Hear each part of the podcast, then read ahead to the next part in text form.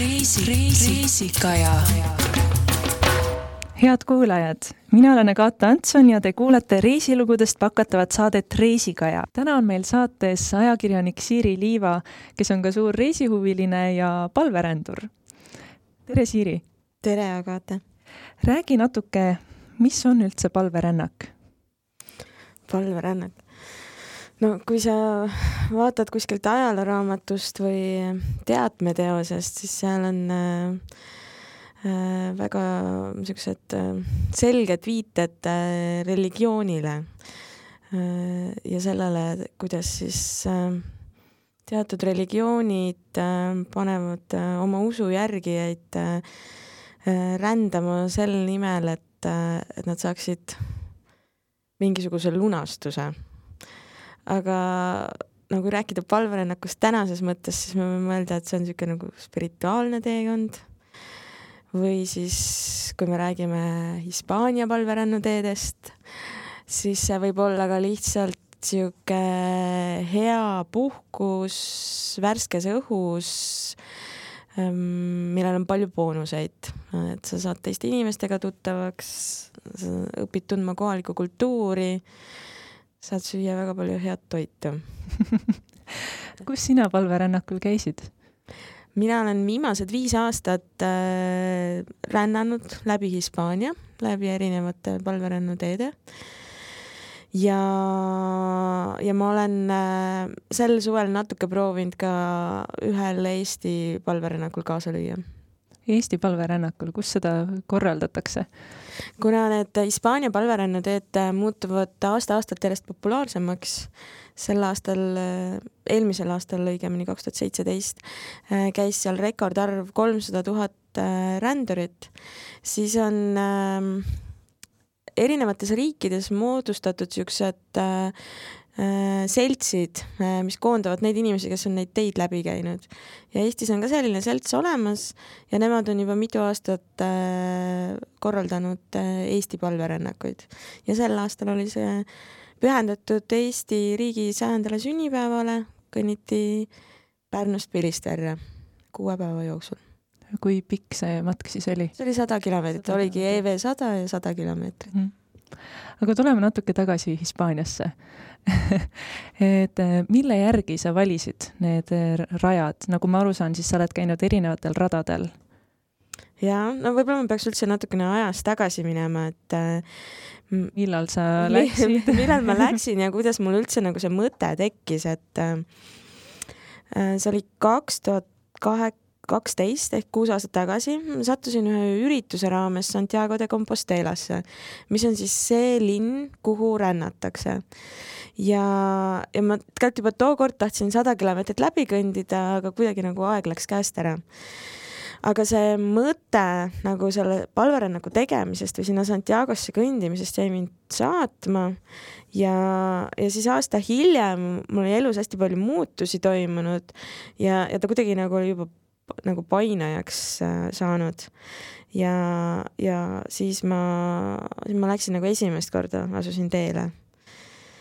ja, ja ma asusin kõige populaarsemale teele, mis on Prantsuse tee, mis saab alguse Prantsuse-Hispaania piirilt, seal on kaks erinevat algust ja, ja maha saab kõndida kuskil kaheksasada kolmkümmend, kaheksasada nelikümmend kilomeetrit. palju sina maha kõndisid? Äh, tookord ma kõndisin ainult kakssada kakskümmend, sest ma pidin äh, retke pooleli jätma, aga nüüd mõned aastad hiljem, kaks tuhat kuusteist suvel ma, ma kõndisingi selle kaheksasada nelikümmend kilomeetrit maha mitu päeva see sul aega võttis? see võttis aega täpselt neli nädalat ehk kakskümmend kaheksa päeva. aga ma pean ütlema, et, et ma teatud etapid tegin ka hästi kiirustades, et seal oli nagu üks nädal, kus ma kõndisingi iga päev nelikümmend kilomeetrit, mis on nagu, mis on üsna palju. et tavaliselt soovitatakse nagu päevas kõndida kakskümmend, kolmkümmend kilomeetrit aga neid, äh, neid palverännuteid tegelikult on hästi palju, et see Prantsuse tee on kõige populaarsem ja, ja mina olen käinud veel kahte lühemat teed pidi, aga noh, selle Prantsuse teega paralleelselt jookseb seal põhjatee, mis läheb mööda Põhja-Hispaania rannikut, seal läheb äh, Camino Primitivo, mis on siuke hästi noh, nad ütlevad, see on hästi raske tee, sest seal pole väga palju mugavusi teel. Äh, no siis on Portugali tee, mis saab nagu kaugelt Lissabonist alguse, et, et neid teid, mis sinna nagu viib, on tegelikult hästi palju ja mingi põhimõte on see, et sa peaksid palverännakut alustama oma koduukselt. seega põhimõtteliselt selles teedevõrgustikus on, on kõik suuremad Lääne-Euroopa linnad on alguspunktidena, sa saad ka Tallinna võtta selle alguspunktina. sina alustasid? kaks tuhat kaksteist ma, ma nagu idee järgi ma alustasin ka oma koduuksest. ma sõitsin bussiga Riiga ja siis ma asusin hääletama.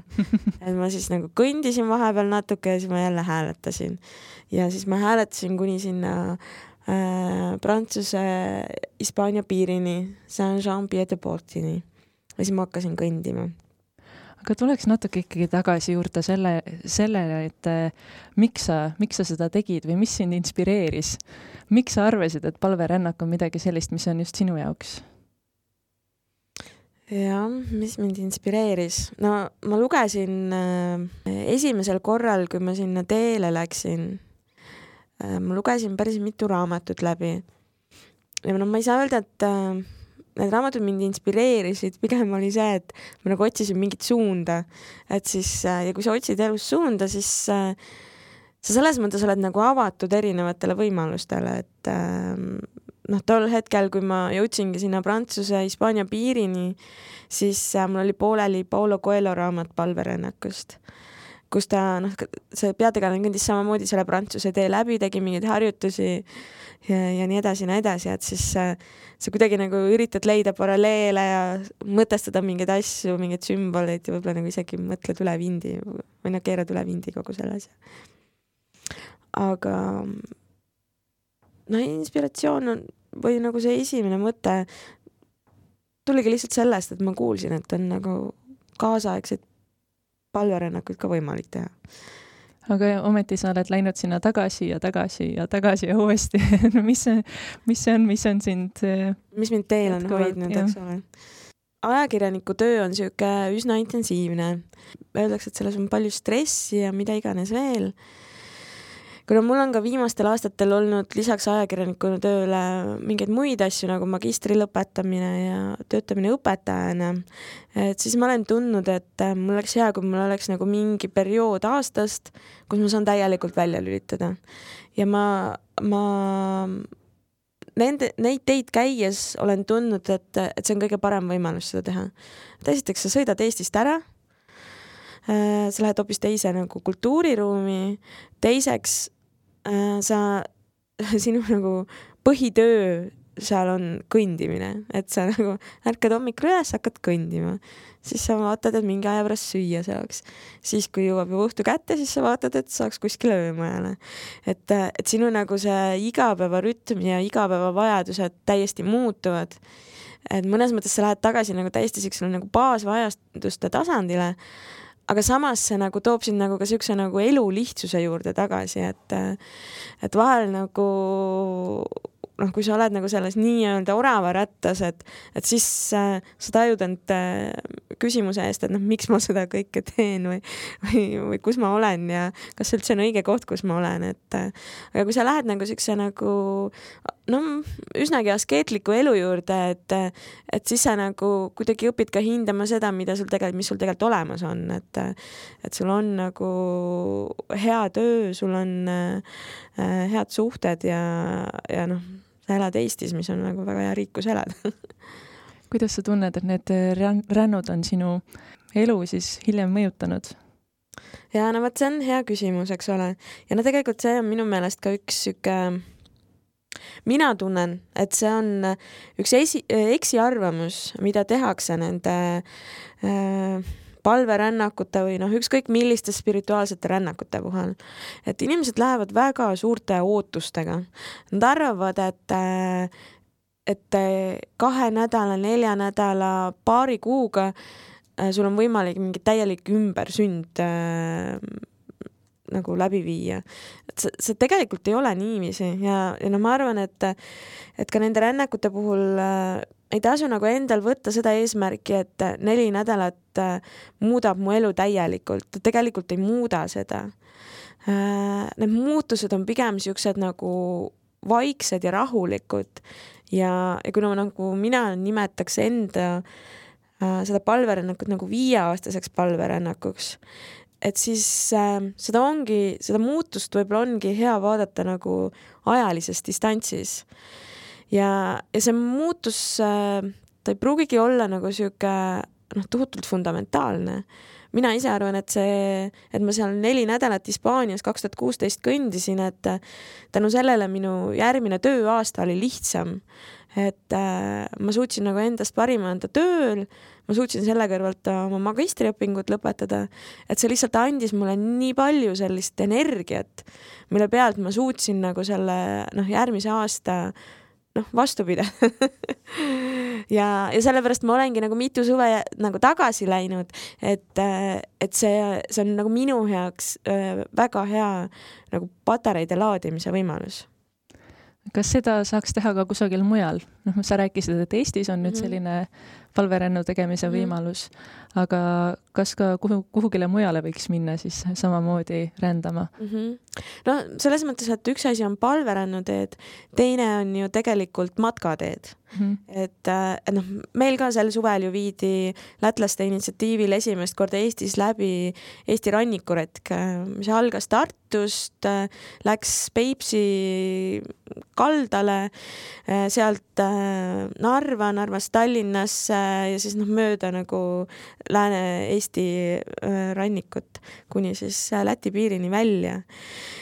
Äh, noh, selliseid reetki või rännakuid on hästi palju üle kogu maailma ja, ja minu meelest neid tuleb ka järjest juurde. et üks, üks rada ju, millest on ka film tehtud, filmi nimi on Wild, on ju see mm, Pacific Crest Trail.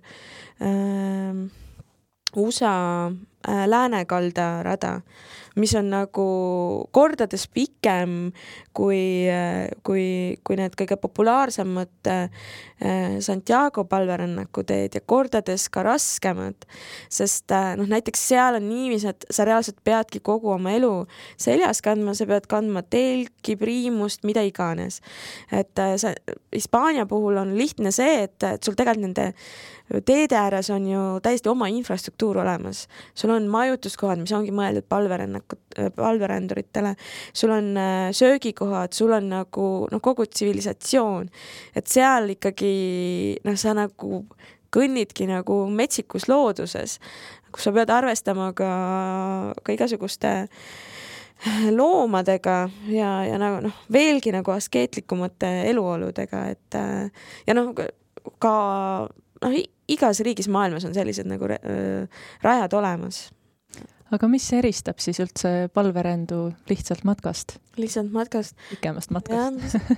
see on hea küsimus, sellepärast et äh, tegelikult kui mõelda sellesama USA lääneranniku raja peale, et äh, ja selle filmi peale siis äh, selle loo peategelane, tema läks ka tegelikult ju sisulises mõttes, ta läks palverännakule. et äh, ta, ta elu oli nagu ummikusse jooksnud, ta võttiski aja pooleks aastaks maha, et kõndida maha siis see kolm tuhat kilomeetrit, mis ta seal kõndis. et äh, ma arvan, et mis nagu kõige enam eristab, on võib-olla nagu see, miks see matkaja ise sinna teele asub et, et tegelikult sama hästi me võime ka neid Hispaania palverännuteid äh, nimetada matkateedeks. lihtsalt nad ajalooliselt, nad on äh, äh, seo-, väga tihedalt olnud religiooniga seotud äh, ja katoliiklaste jaoks äh, äh, olulisel kohal. aga ja. tänapäeval siis sa tunned, et see religioon enam ei, ei oma nii palju tähtsust? Kindlasti mitte, selles mõttes, et noh, ütleme nii, et mina olen ka pidanud nagu palju äh, no selgitustööd tegema selles osas, et, et ka minu puhul on arvatud, et ma lähen sinna nagu religioossel eesmärgil. ja ma tunnistan, ma lähen sinna võib-olla spirituaalsel või vaimsel eesmärgil. aga, aga noh, aus tõde on see, et tegelikult ma lähen sinna sellepärast, et ma saan nagu päev läbi olla värskes õhus, süüa head toitu, tutvuda uute inimestega ja minu meelest see on nagu väga hea sihuke äh, ütle noh, money well spent on ju. Et, et ma olen nagu selle raha eest, mis ma panen selle rännaku alla, ma lihtsalt saan nii palju lisaväärtust et see on nagu noh, üks paremaid puhkuseviise üldse kui palju sa saad seal üldse üksinda olla, sest minu ettekujutus on, et palverännak on midagi sellist, kus sa, kus sa tahadki oma mõtteid mõelda, iseendaga olla, aga samas sa ütlesid, et seal rajal oli eelmine aasta kolmsada tuhat inimest siis mainisid, et on tee ääres pidev selline infrastruktuur, et on nii restoranid kui majutuskohad. kui palju on seal sellist kära ja kui palju on seal iseendaga olemist? mida populaarsemaks need teed muutuvad, siis oleme ausad, seda vähem tegelikult on sul seal reaalset võimalust füüsiliselt üksi olla. et äh, noh, vaimselt sa võid seda teha selles mõttes, et see, kui palju sa suhtled teiste ränduritega, kui palju sa suhtled kohalikega, äh, noh, see on sinu enda teha, onju, et ütleme, et see Prantsuse tee, mis on kõige populaarsem ja mida ma kõndisin siin kaks aastat tagasi ja kus oli väga palju rändureid siis ma võin öelda, et ma tegelikult puhkasin seal väga hästi välja. Äh, ma sain hoolimata kõigist nendest teistest ränduritest, ma sain nagu piisavalt äh, seda üksioleku aega või nagu minu aega. võib-olla ma nagu kaotasin selles mõttes, et ma ei leidnud tol korral nii palju nagu uusi tuttavaid seal, aga see ei olnudki äh, toona mu eesmärk. et mu eesmärk oligi saada seda nagu iseenda aega ja, ja noh, sel suvel, kui ma kõndisin Portugali rannikuteed ja ja maha kolmsada kilomeetrit, et ma kohtasin ka ühte Eesti perekonda, kus isa kõndis koos oma kolme lapsega ja noh, tema nagu tõdes, et, et jaa, et noh, et ta nagu noh, ta ise käis lastele välja, et nad temaga kaasa tuleksid ja nii edasi. aga, aga noh, et, et see retk ikkagi kui sa tahad seda nagu iseenda pärast teha, siis on seda kõige parem teha üksinda. Et, et kui sul on kasvõi nagu üks kaaslane, siis sa pead noh, juba hakkama arvestama tema huvidega, tema soovidega, sellega, mis kellaajal tema tahab magama minna, mis kellaajal ta on nõus hommikul üles tulema ja nii edasi ja nii edasi, et ähm, mina kaks aastat tagasi ma kõndisin koos õega, aga kuna me kõndisime erinevas tempos, siis me otsustasime nagu lahku minna ja eelmine suvi, äh, kui ma kõndisin sada kakskümmend kilomeetrit äh, Santiagost äh, Atlandi ookeani äärde, siis ma kõndisin koos emaga. et võib-olla koos emaga käies oligi see tema nagu noh, soovide esikohale panek kõige suurem, et, et siis nagu see, mis mina tahtsin, oli võib-olla nagu kõige vähem teisejärgulisem. aga noh, see oli tema jaoks ka esimene välisreis, seega see oli ka nagu loomulik, et ma olin nii-öelda teejuht milline nendest teekondadest on sinu meelest kõige huvitavam või kõige ilusam olnud äh,? no kuna ma, mul oli nüüd võimalus teha nagu see tagasivaade ja nagu enda jaoks nagu mõtestada kogu seda asja, siis ähm,, siis ma peaks ütlema, et see kõige pikem tee oli kõige ägedam ikkagi. et ähm, see, mis ma kõndisin siis kaks aastat tagasi koos õega, kaheksasada nelikümmend kilomeetrit, et ähm, miks see nagu kõige ägedam oli, oli sellepärast, et, et see nagu noh, ma reaalselt nagu kuuks ajaks lülitasin ennast välja. ja, ja sellel oli nagu väga hea positiivne mõju. Ja, ja, ja see võib-olla ka nagu siuksel nagu vaimsel tasandil äh, noh, nagu tekitas mingi siukse nagu noh, puhastumise tunde valgustumiseks ma seda ei nimeta, aga, aga nagu siukse mõtte puhastumise tunde. Mhm. et need teised olid lühemad retked ja, ja võib-olla sellepärast ei olnud ka nagu see, see nagu igapäevaelust välja lülitamine nagu noh, nii mõjus kui tol korral nii et neli nädalat oleks see, millega võiks arvestada? minimaalne, selles mõttes, et mina ju soovitaks julgelt võtta kuu aega, poolteist kuud. et, et see on nagu jah aga milline nendest radadest on looduse poolest kõige sellisem lummavam mm? -hmm. no looduse poolest äh, kindlasti see kõige lühem tee, mis me kõndisime äh, Santiagost sinna ookeani äärde, et see on selles mõttes äh,, seal on hästi palju rohelust.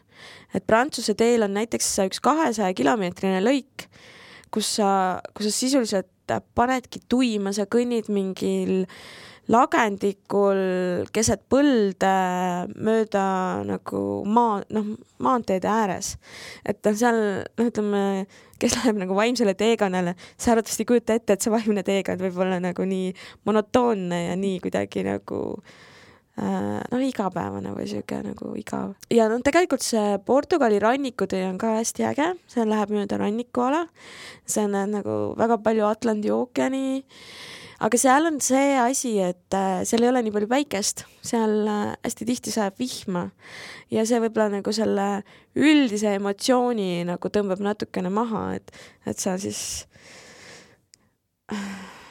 jah. et ilus on küll, aga ebamugav. ilus on küll, aga kui sa nagu seitse tundi mingi vihmasajus kõnnid, siis mm -hmm. sa mhm. lõpuks tunned, kuidas see niiskus on sul kontidesse ka nagu imbunud juba kuidas üldiselt selline pikk kõndimine tervisele mõjus? Tervisele, no väga palju kaalust ma alla ei võtnud. Kuigi esimene aasta mõned kilod läksid. Äh, no sa sööd päris palju head toitu, seega noh, sellepärast küll ei tasu sinna minna, et kuigi noh, räägitakse, et jaa, et, et see nagu tohutult on võimalik kaalust alla võtta. aga ta tegelikult nagu kasvatab sul vastupidavust, kui sa juba nagu teed mingeid kolme kilomeet-, kolmekümne kilomeetriseid päevi, siis sul on nagu palju võhma ja Prantsuse teel on palju ka niisugust nagu Äh, mägedest üles-alla kõndimist, et, et see veel nagu noh, ta on hoopis teine asi, kui mööda nagu tasast maad või nagu meie Eesti, ma ei tea, künkaid mööda siin ronida, et, et noh, tervisele selles mõttes ta mõjub kindlasti hästi. aga jalgadele? Palju see oleneb nagu jah, putitama? Kusjuures Prantsuse teel mul tekkis alles pärast kahte nädalat esimene vill. Äh, sel aastal oli natukene nagu rohkem, aga no see olenebki see, mis jalanõud sa võtad, et sa pead nagu hästi valima, et sa nagu võtad äh, jalanõud, mida sa saad usaldada. tegelikult need jalad on nagu siuksed kõige, kõige nagu naljakamad tegelased, et äh, et noh, mina, ma olen nagu maal kasvanud, ma olen nagu hästi, ma arvan, ma olen hästi vastupidav. Ja, ja ma pole nagu noh, see on minu jaoks nagu nii teisejärguline küsimus olnud, et et kuni selle suveni ma ei pööranud sellele üldse tähelepanu. aga, aga sel suvel juhtus see, et noh, minu jaoks tegelikult on see palverännak läbi saanud. Ja see läbi tänu sellele, et ma läksin ka sellele lätlaste korraldatud rannikuteele siin Eestis. Ja, ja seal me kõndisime esimesel päeval viiskümmend kilomeetrit ja, mul nagu tekkis teisel päeval väga tugev jalavalu äh,. noh, mida ma ravin tegelikult siiamaani ja, ja no selle, see, selle põhjuseks olid valed jalanõud ja vale kõndimistempo ehk viiskümmend kilomeetrit oli liiga nagu palju minu jaoks ja, ja mul olid ka kehvad sandaalid millega ma tegelikult juba olin Portugali teel kolmsada kilomeetrit maha kõndinud, aga, aga nüüd nad lõpus nagu vedasid alt. et äh, seal ongi see, et, et sa pead nagu iseennast hästi palju tundma ja, ja noh, mõnikord sa võid nagu jalanõudega alt minna. ja, ja mõnikord sul võib nagu väga hästi minna. et see on nagu nii individuaalne juhtum. mu õel oli näiteks äh, kaks aastat tagasi, tal olid nagu esimesed, esimestel päevadel tal olid nagu kõik varbad olid villides ja plaasterdatud ja nii edasi, et noh, niiviisi on üsna raske kõndida, et äh, selle kogemuse sain ma ise ka sel suvel kätte ja, ja no siis peabki nagu noh, kõik need ravivahendid peavad kaasas olema ja, ja sa pead nagu teadma, et mida teha. vajadusel ka võtma päeva-paar nagu puhkust, et saaks edasi minna. sa ütlesid, et sinu jaoks ongi nüüd palverännak läbi mm. -hmm. kas see tähendab, et sa enam uuesti minna ei plaani? no ma pole kunagi nagu väga pikas perspektiivis. aga aga mis on sind pannud tundma, et nüüd on kõik? ma arvan, et see, noh, üks on nagu see, et äh, sa nagu otsid mingeid sümboleid, onju. ja, ja noh, minu jaoks oli nagu märgiline sümbol see, et äh, mul siis siin Eestis nendele rännakutele minnes äh, nagu jalad alt vedasid, et äh,, et see näitas, et noh, et äh, midagi ütleb, et, et sa ei pea rohkem kõndima, su kõndimised on kõnnitud, onju, et tegele millegi muuga. aga teine asi on ka nagu sihuke vaimne tunnetus, et äh, seekord, kui ma jõudsin Santiagosse, mul oli äh, mitu päeva aega seal olla, erinevalt varasematest kordadest. ja, ja siis sa nagu tunned, et, et see asi on sinu jaoks nagu lõppenud, et äh,, et sa oledki noh, võib-olla viimast korda selles linnas et, et see on nagu sihuke nagu jah, vaimne tunnetus ja ka, ka nagu mingid märgid. mis seda ütlevad. ja no teiseks mul on väga palju muid reisiplaane, mida ma tahaks e-, elu jooksul e-, ellu viia, et äh, juba viis aastat on nagu keskendutud ühes kohas käimisele, et, et nüüd võiks need teised sihtkohad ka ette võtta lõpuks. mis su selline järgmine plaan on? Ähm, kaks tuhat üheksa aastal ma olin pool aastat Kolumbias vabatahtlik, aga mul ei olnud tol korral võimalik väga palju reisida seega ma tahaks ähm, ühe järgmise pikema puhkuse äh, võtta ette Ladina-Ameerika riike avastades, minna tagasi Kolumbiasse ja, ja käia siis läbi kõik need teised riigid, et äh, tänu sellele Kolumbia kogemusele ma oskan hispaania keelt. ja Ladina-Ameerika on ju see imeline piirkond, kus hispaania keel avab sul kõik uksed, et äh, välja arvatud Brasiilias, kus sa pead rääkima portugali keelt, et ma tahan minna Ladina-Ameerikasse vähemalt kuuajalisele reisile ja, ja, ja mind tõmbab äh, Kagu-Aasiasse. Äh, et ma tahan kindlasti minna Malaisiasse, Filipiinidele, Indoneesiasse ja sinna ka nagu noh, minimaalselt kuu aega või siis mitu aastat järjest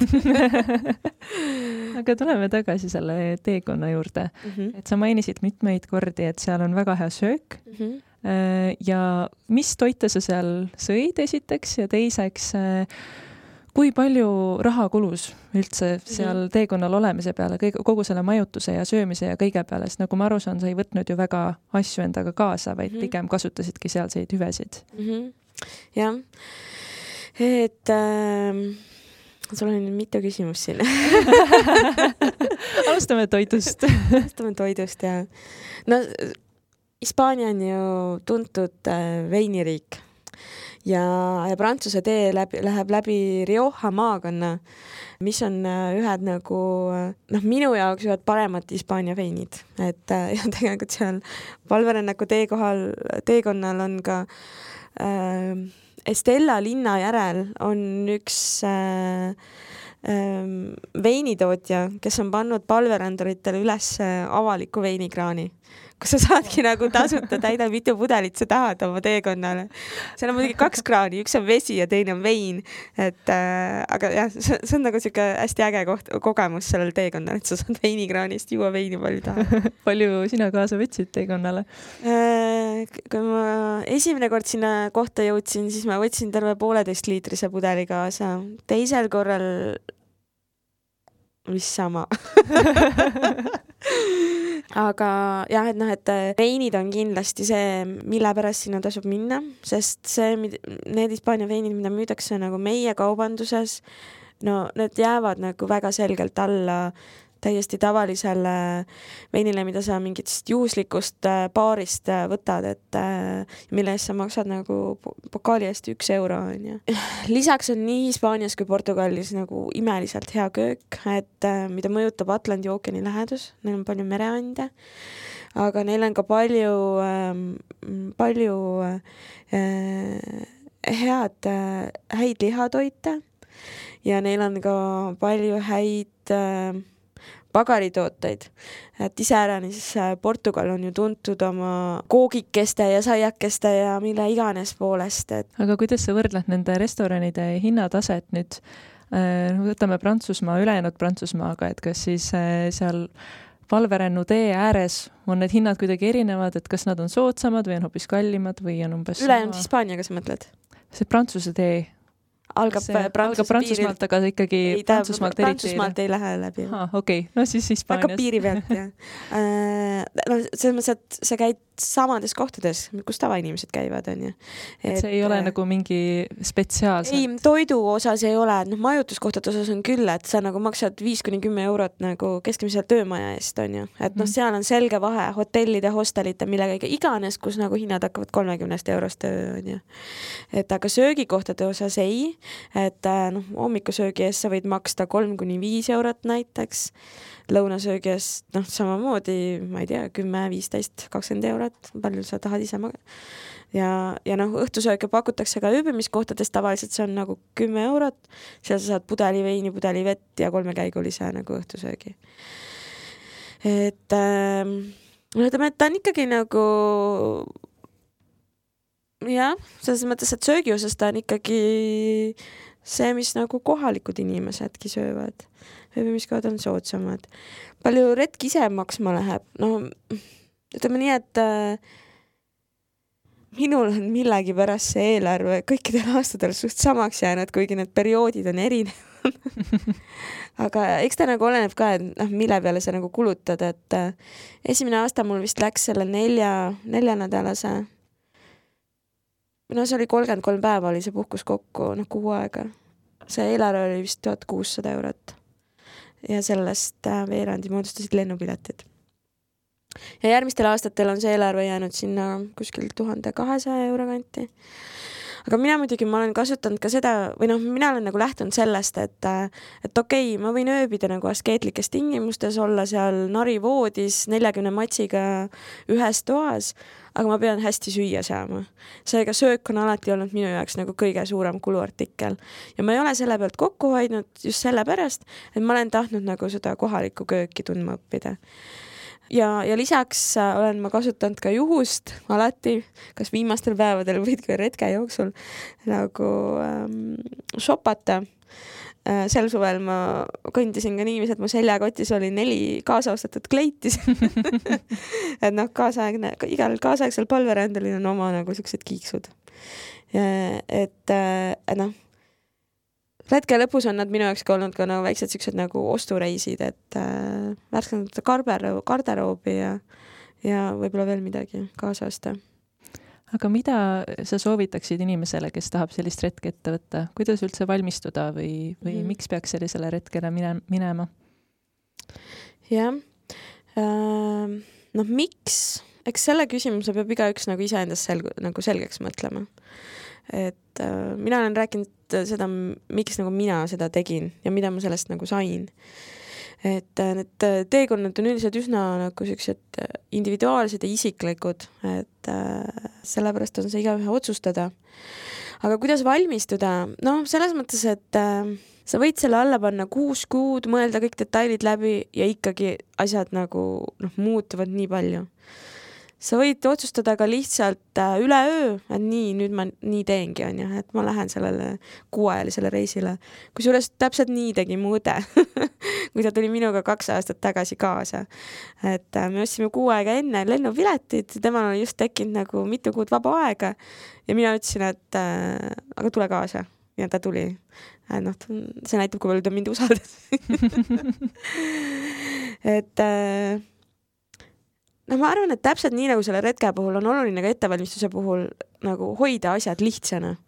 et äh, mitte võtta liiga palju träni kaasa, sest muidu sa juba esimesel nädalal jätad nagu pooled asjad sinna teele maha äh, raske see seljakott võiks olla umbes? no öeldakse, et kui ta võiks moodustada kuni kümnendiku inimese kaalust ehk tegelikult äh, noh jah, ta võiks juba mingi kuue-seitsme kilosest seljakotist täiesti piisab. seljakoti osas tasuks asjad lihtsad hoida ka nagu noh, ütleme selle nagu etteplaneerimise osas tasub asjad lihtsad hoida, et kuigi noh, nüüd see teed, need teed on muutunud hästi populaarseks ja nagu õhtuti võib muutuda järjest keerulisemaks selle nagu odava öömaja saamine, siis äh, noh, mina neid ei soo-, mina ütleks, et ei, ei ole mõtet muretseda, et sellel äh, Hispaania palverännaku teel on nagu äh, see põhimõte, et, et tee hoolitseb iga palveränduri eest, et nagu küll sa nagu saad selle öömaja, isegi kui sul pole seda ette bronnitud. eks mina tegin ka, mõtlesin ette välja, et kuhu ma tahan nagu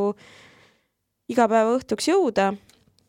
aga igal korral on see muutunud, et sa nagu lihtsalt lähed nagu selle teega kaasa, sa lähed selle nagu hetkega kaasa kui palju sa pead seal nagu kaarti tundma, et kas sa lähed lihtsalt äh, matka alguspunkti ja siis see rada on tähistatud või siis sa pead pidevalt kaardi jälgima, et sa kusagilt teelt ära ei eksiks? põhiteed on nagu väga hästi kaardistatud. ja mitte ainult põhiteed, vaid noh, kõik teed, mis viivad Santiagosse, et nende sümbol on kollane nool, et ja neid nooli on seal igal võimalikul kujul, iga võimaliku nagu tähisena või isegi rohkem kui küll et äh, ja, ja tegelikult on äh, koos kollaste nooltega on ka sinised nooled.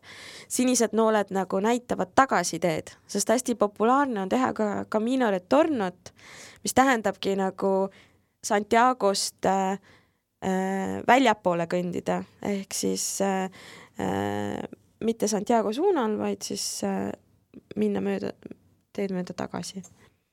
ja seda näitavad sulle siis need sinised nooled. Selles mõttes on äh, lihtsalt usalda kollaseid nooli ja sa jõuad kohale. eks eksimiskohti on ikka ja noh, neid on, tuli mul ka seal aeg-ajalt ette aga lisaks nendele on olemas ka eraldi äpid, mis ongi ekstra nende palverännaku teede kohta tehtud. Need on mega head et äh, Prantsuse teel ma näiteks kasutasin ühte neist väga palju, sest seal oli iga küla suurema linna kohta ära märgitud, kui palju erinevaid albergesid ehk neid palveränturite öömajasid seal on, mitu kohta seal on, kas seal on pesumasin, kas seal on äh, wifi, kas noh, mis iganes infra seal olemas on, et sul oli nagu mega hea nagu planeerida selle järgi aga kui tahaks lihtsalt, et äh, lülitaks ennast näiteks nutitelefonist ka välja, siis äh, ikkagi saab hakkama, et sa Jaa. lähed mööda rada ja lihtsalt lähed, koputad uksele ja, ja küsid, et kas siin majutust saab. koputad uksele, no jaa, päris uksele noh, selles mõttes, et äh, jah, järgid kollaseid nooli, et äh, nende öömajade kohta on ka sildid linnades või külades üleval, et äh, et noh, saab täiesti nii ka. ja sinna öömajale siis tavaturiste ei lubata, et kui te et...? idee järgi ei lubata, jah. aga reaalsuses? meie väga ei näinud selliseid inimesi ausalt öeldes mm, -hmm. et ma ütlen, arvatavasti tavaturist, tal ei ole ka nagu eelarve mõttes vaja nii palju, no mitte eelarve mõttes nii palju vaja kokku hoida, aga noh, ma arvan, et tema jaoks ei ole nagu hea puhkusekogemus see, et kui sa pead nagu mitme norskava inimesega ühes ruumis olema, et aga noh, palverännaku kõndijatel see on osa kogemusest, mille vastu aitavad head kõrvatropid ja viimasena ma küsiksin sinult, mis on, mis on selline kõige olulisem asi, mis sa nendelt rännakutelt endaga kaasa oled võtnud? kõige olulisem asi? või tunne või see ei pea olema jah, üldse materiaalne no ma arvan, et noh, see kogemus ise, ta on nagu niivõrd rikas, et äh, sel hetkel, kui see nagu läbi saab, sa isegi nagu ei taha oma mõtteid vaevata selle mõtestamisega. et noh, mina nüüd viimastel nädalatel pidin seda tegema, pidin kogu selle nagu viieaastase kogemuse kokku võtma ja ma ütlen, et see oli nagu minu jaoks üsna, üsna raske ülesanne. sest ähm, sest, äh, sest sa kõnnid oma nagu mõtte tühjaks, sa kõnnid oma nagu mõtte vabaks. Ja, ja sa, sa nagu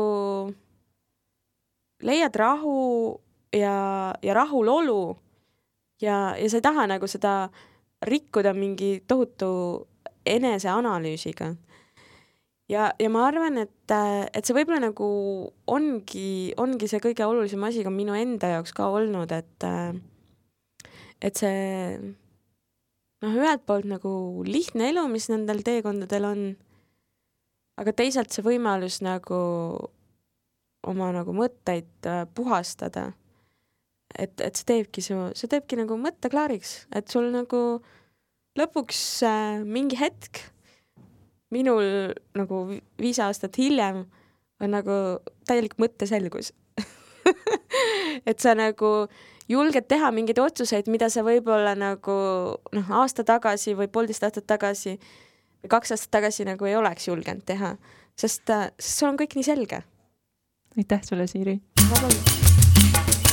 reisi, reisikaja